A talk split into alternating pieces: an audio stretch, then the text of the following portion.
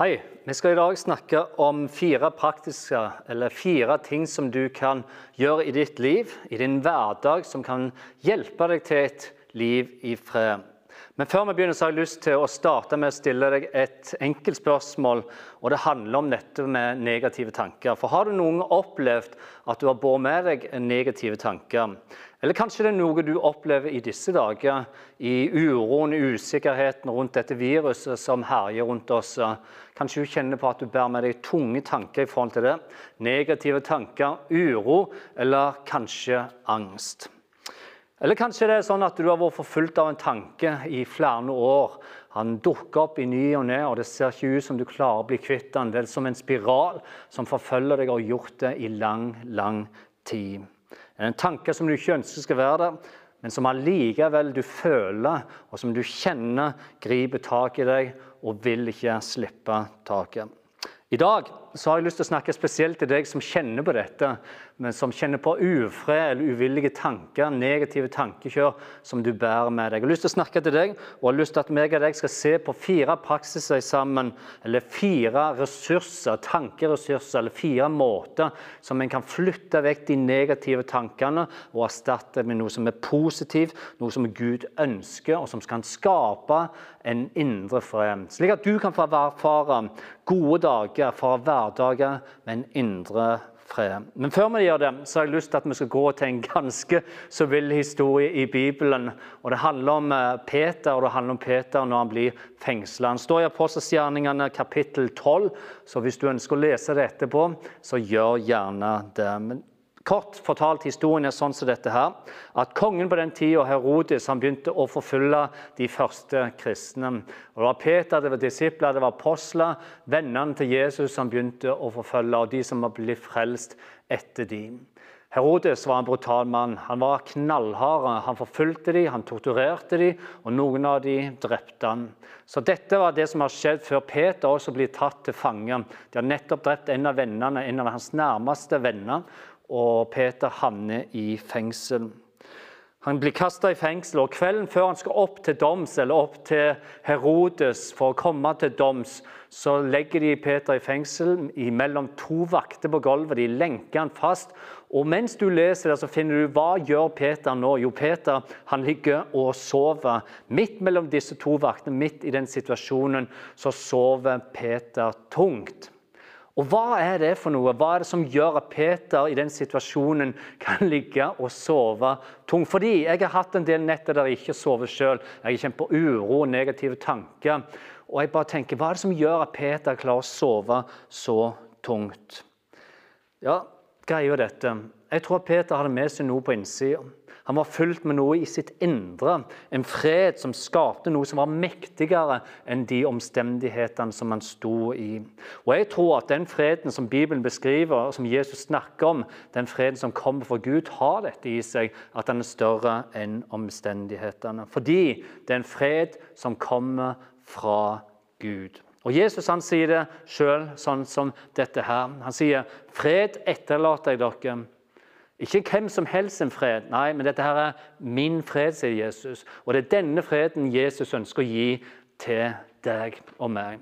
Ikke den fred som verden gir, ikke substansene, måten og hvordan du skal finne en indre fred som alle disse bøkene kommer med. teiper alt som er lag for mennesker. Nei, Jesus snakker om en helt annen greie. Han snakker om en fred som varer og skal vare inn i evigheten. Så la ikke hjertet bli grepet av angst sier han, mens dere lever her på jorda og bli ikke motløse. Eller følg deg ikke med motløshet. Og Det Jesus sier her, er at han har denne freden.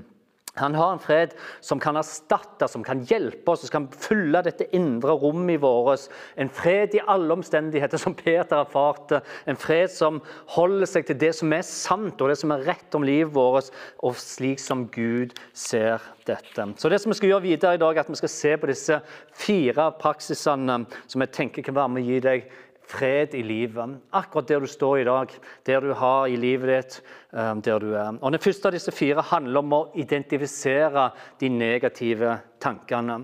Identifisere de negative tankene.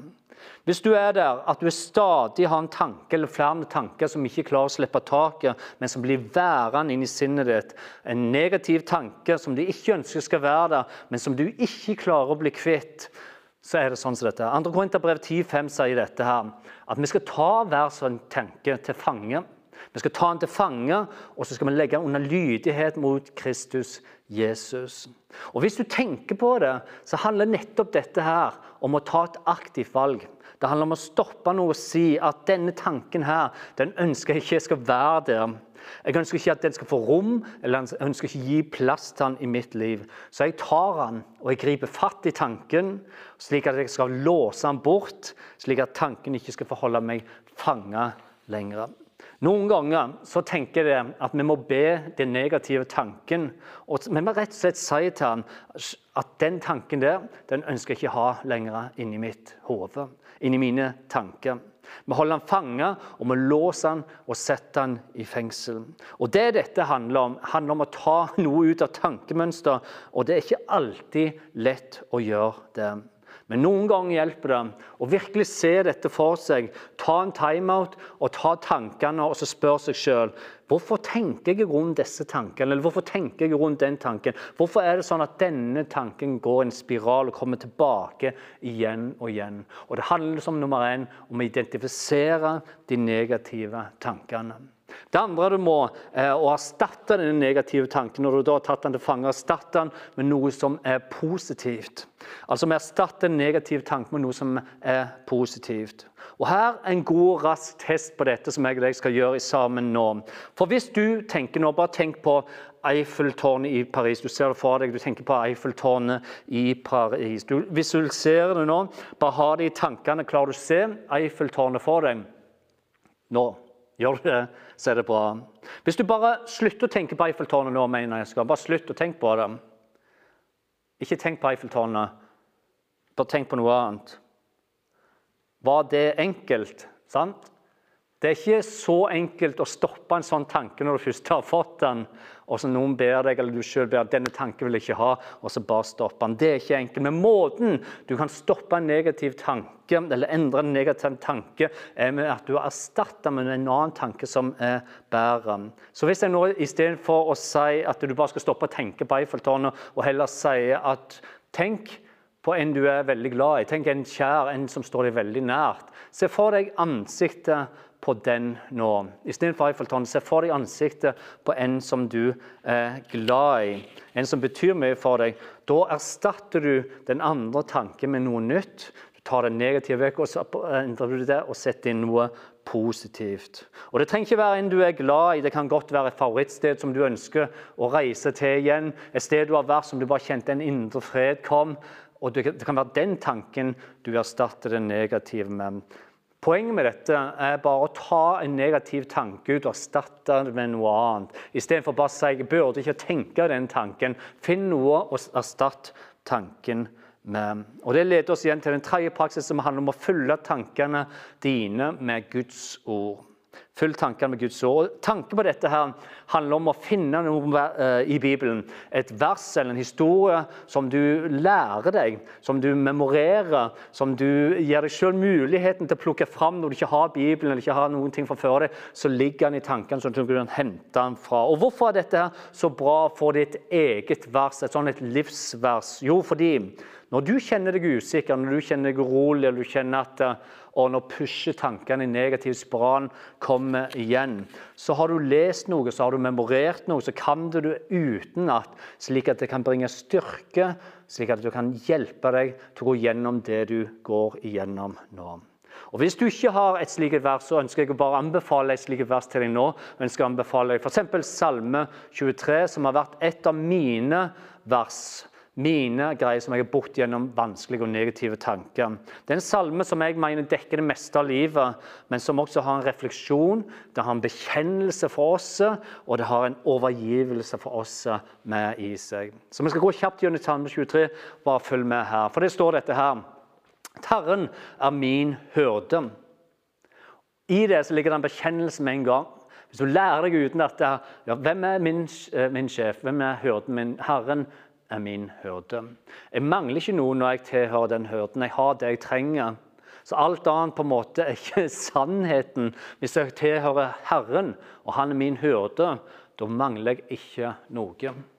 Han lar meg ligge i grønne enger. Det er han som leder meg til hvilens vann, der jeg finner hvile. Og vi bekjenner ennå at det er han som gir meg nytt liv, det livet jeg ønsker. Han fører meg på rettferdighetsstier for sitt navn skyld.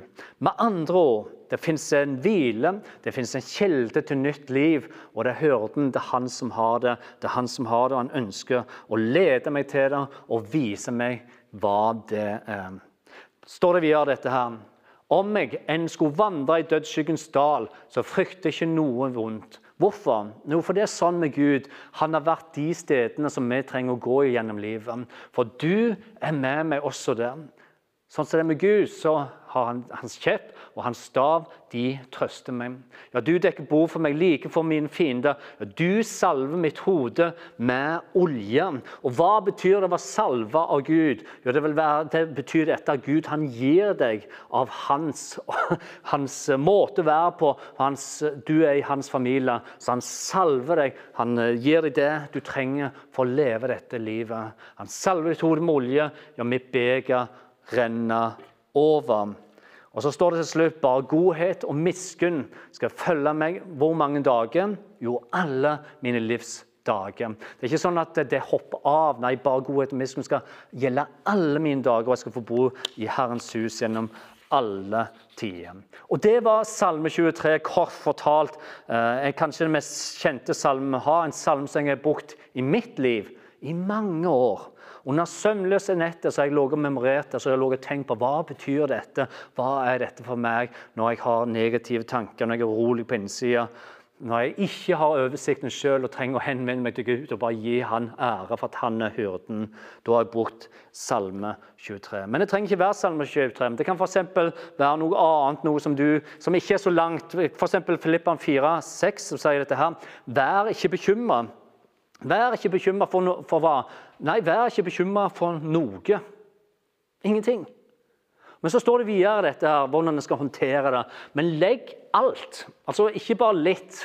Ikke bare når jeg kjenner misforståelser, men hver dag. Kom og legg alt dere har på hjertet, fram for Gud. Det handler om relasjon, dette her, det handler om samtale. Det handler ikke bare om å komme den dagen jeg har det skikkelig pyton. Nei, kom med alt dere har på hjertet, og legg det fram for Gud. Be og kall på ham med takk. Og Det gjelder igjen å holde fokus. Det handler om at det er så mye å være takknemlig for. Løfte øynene og se at det er så mye å være takknemlig for. Og Guds fred, som overgår all forstand, skal bevare deres hjerte og deres tanker i Kristus Jesus. Og Det som er bra med sånn et vers som dette, her, at en kan spørre seg sjøl og en kan liksom, uh, se på sine egne tanker Er det slik som Bibelen sier? Er det slik som Salme 23 sier med mine tanker nå? Er det sånn som Filippan 4,6 sier? Er det slik mine tanker nå? Bygger disse tankene som jeg går med meg, bygger de opp den personen som jeg ønsker å være, eller ikke? Gir de meg den styrken, den hvilen? Finner jeg freden som jeg ønsker å ha? Eller kolliderer de tankene jeg går med, med det Gud sier om meg og mitt liv? Det er Salme 23, Filippan 4, 6 og mange flere slike vers kan hjelpe oss til å bringe det som er sant, fram, og hjelpe oss til å løfte øynene litt, så vi ser noe av det som har å være takknemlig for. Et lite tips som jeg ønsker bare å gi med i denne jeg gjør også dette her, at Hjemme hos oss så har vi på mange vegger, om det er i gangen, eller om det er på badet eller om det er på kjøkkenet, så har vi hengt opp noen sånne små bilder med vers. Og Det handler om hvem Gud er, og hvilke tanker han har om oss. For eksempel, En plass står det 'ingenting er mulig for den som er i Gud'. Ja, Det er sant. Over våre liv når vi følger Gud. Og jeg vet hvilke tanker jeg har om dere. Det er ikke ulykkestanker, men det er fredstanker. Framtid og håp står det en annen plass. Så Du kan gjøre det. Henge opp sånne vers rundt omkring som minner deg på at sånn er det, og sånn er sannheten. Det er det Gud tenker med mitt liv. Vi har gjort det hjemme, og det har vært til hjelp for meg mange mange ganger. Når du kjemper kamper, eller når ting er tungt i livet, så det er bra å ha sånne vers rundt omkring. Fordi det handler om å fylle sine tanker med Guds ord. Det flytter oss til det siste punktet i dag, og det handler om punkt nummer fire, som handler om å hekte seg på Guds kraft. Hvorfor? Jo, fordi Guds kraft er sterkere enn oss sjøl. Tingene er du og meg og alle mennesker som lever i dag, er en del av en større historie. Og Den større historien det handler om at Gud gjør sin historie. Og Så blir Jim og så blir du og så blir vi putta inn i den historien. Vi kommer inn i historien en eller annen plass. I den store historien får vi lov til å leve og få lov til å være med våre liv. Og det vil si at Generasjon etter generasjon etter generasjon har levd i denne historien, en del av Guds historie. Vi har tatt imot det vi fikk fra fedrene våre, og så skal vi en dag vi gi videre det som vi selv har hatt her i livet. Og Da må vi huske på, og dette her er veldig viktig for vi får med oss, at Bibelen sier dette her om meg og deg i Efeserbrevet 1.19-20. Det står dette her hvor overveldende Hans kraft er hos oss som tror. Og Hvorfor er dette veldig viktig å få med seg? Jo, fordi du kan leve et langt liv her og gå glipp av hans kraft.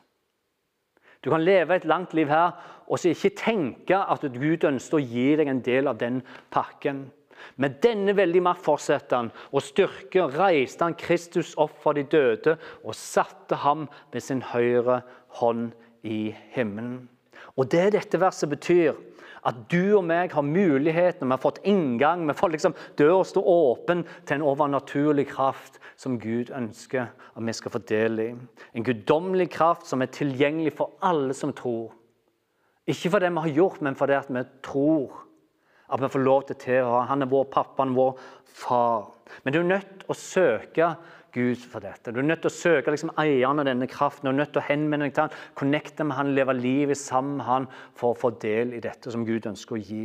Og daglig fylle deg med hans tanker for ditt liv. Jeg begynte i dag med denne historien om Peter som ligger og sover mellom to vakter. Og Han sover dagen og natta før han skal til doms. Og det er overhodet ikke for å ta lett på dette, her, for jeg vet at det å være redd eller det å ha angst, det å slite med negative tanker og kjempe med depressivt tankegods, det er ikke noe en skal ta lett på. For Slike tanker de kan ta oss og de kan drive oss av gårde og lede oss til steder vi ikke ønsker å være. De kan paralysere oss og få, få oss til å tenke usanne ting som ikke er sant om oss sjøl. Og Sannheten er også den at jeg har hatt en del netter med slike tanker der jeg heller ikke har hatt for sove. Jeg har også blitt fanget i tankemønster i spiraler som ikke er bra. og det, Tanken er bare det at det eneste jeg ønsker, er å få lagt det bak meg og komme meg videre. Men det jeg ønsker å si det, og minne både deg og meg sjøl på i dag, er dette her, at du og meg vi er ikke alene. Eh, når vi kjenner at vi sliter med slike tanker eller vi bærer på tunge og vonde ting, så ser Gud oss. Han ser deg, og han vet alt om deg. Han er nær deg, og han eh, påkaller ditt navn. Han ønsker at du skal påkalle hans navn, og han har lovt at han har all makt. Han har det du trenger, styrke og kraft. Det er tilgjengelig for deg. Du kan få tak i hans fred nå i dag. Du kan søke han gjøre det til en prosess. Lær deg Guds ord uten å ta de negative fangene, eh, tankene til fange og erstatte dem med noe positivt. Og Kanskje dette her måten nettopp du og meg kan få rom og finne det, liksom, Guds fred for ditt og mitt liv i dag. Nummer én identifiser de negative tankene. Nummer to erstatt de negative tankene med noe positivt. Du husker det? Finn noe positivt å tenke på. Og nummer tre Følg dem med Guds ord. Hver eneste dag. Ta det til deg. Finn noen vers. Gjør et vers utenat, slik at du har det med deg. Og nummer fire og til slutt hekt det på Guds kraft. Hvorfor? Jo, fordi Guds kraft er sterkere enn deg sjøl. Han er sterkere enn alt som beveger seg rundt oss. Guds kraft er sterkere enn alt. Så til slutt så lurer jeg på om dette. Skal du og meg være gode med oss sjøl, slik at vi møter opp hos Gud, at vi søker Hans ansikt? Når vi også gir de negative tankene. La Han få lov til å sette oss fri og gi oss det vi trenger. Kanskje sitter du her og så tenker du ja, jeg òg har et sånt et vers. Du Jim, hadde Salme 23 og så hadde Filippan 4, og så har jeg et annet.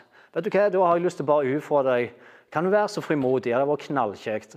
Og legg igjen det verset i kommentarfeltet etterpå. Dette har vært bra for meg. Om det er en bibelhistorie eller om det er vers. Dette er ditt vers. Del det med meg, og del det med oss andre, slik at vi kan gå inn og lese om det etterpå. Kanskje det har betydd noe spesielt gjennom en spesiell situasjon. Ønsker du å si noe? Gjerne det. Men det har vært knallkjekt. Om du bare legger igjen det verset, så skal jeg gå inn og lese, så skal vi andre gå inn og lese det. Vær frimodig, legg igjen i kommentarfeltet, og helt til slutt skal vi be en kort bønn i sammen. Kjære Gud, takk for at du ser oss akkurat der vi er nå i dag. Og takk, Herre, for at du kjenner den som går med urolige og negative tanker. Det er tanker som ikke er sanne, men som allikevel får altfor mye plass i våre liv. Gode Gud, hjelp den enkelte av oss til å ta gode valg Hjelp oss å styrke vårt indre menneske, slik at vi rydder plass til det som er sannheten om vårt liv. Du, du, sier at du ikke har ulykkestanker, men du kun har fredstanker. Du har framtid, og du har håp for oss, Herre. Må det feste seg, og må det bli strømmen i vårt liv, Herre i hele vårt liv. Takk for at du ønsker bare det beste for oss. Takk for at du er nær. Og takk, Herre, for at selv om koronaviruset herjer, så er du nær, og så følger du med den enkelte av oss. Du har, du har lovt at du skal være med oss igjennom alt. Så bevar oss, den enkelte av oss, Herre. Hold deg nær, og hjelp oss til å ha et mykt hjerte som søker deg. I Jesu navn. Amen. Så til slutt. Husk kommentarfeltet. Har du et vers som du ønsker å dele, hjertelig velkommen til det. Jeg gleder meg til det. Takk for i dag.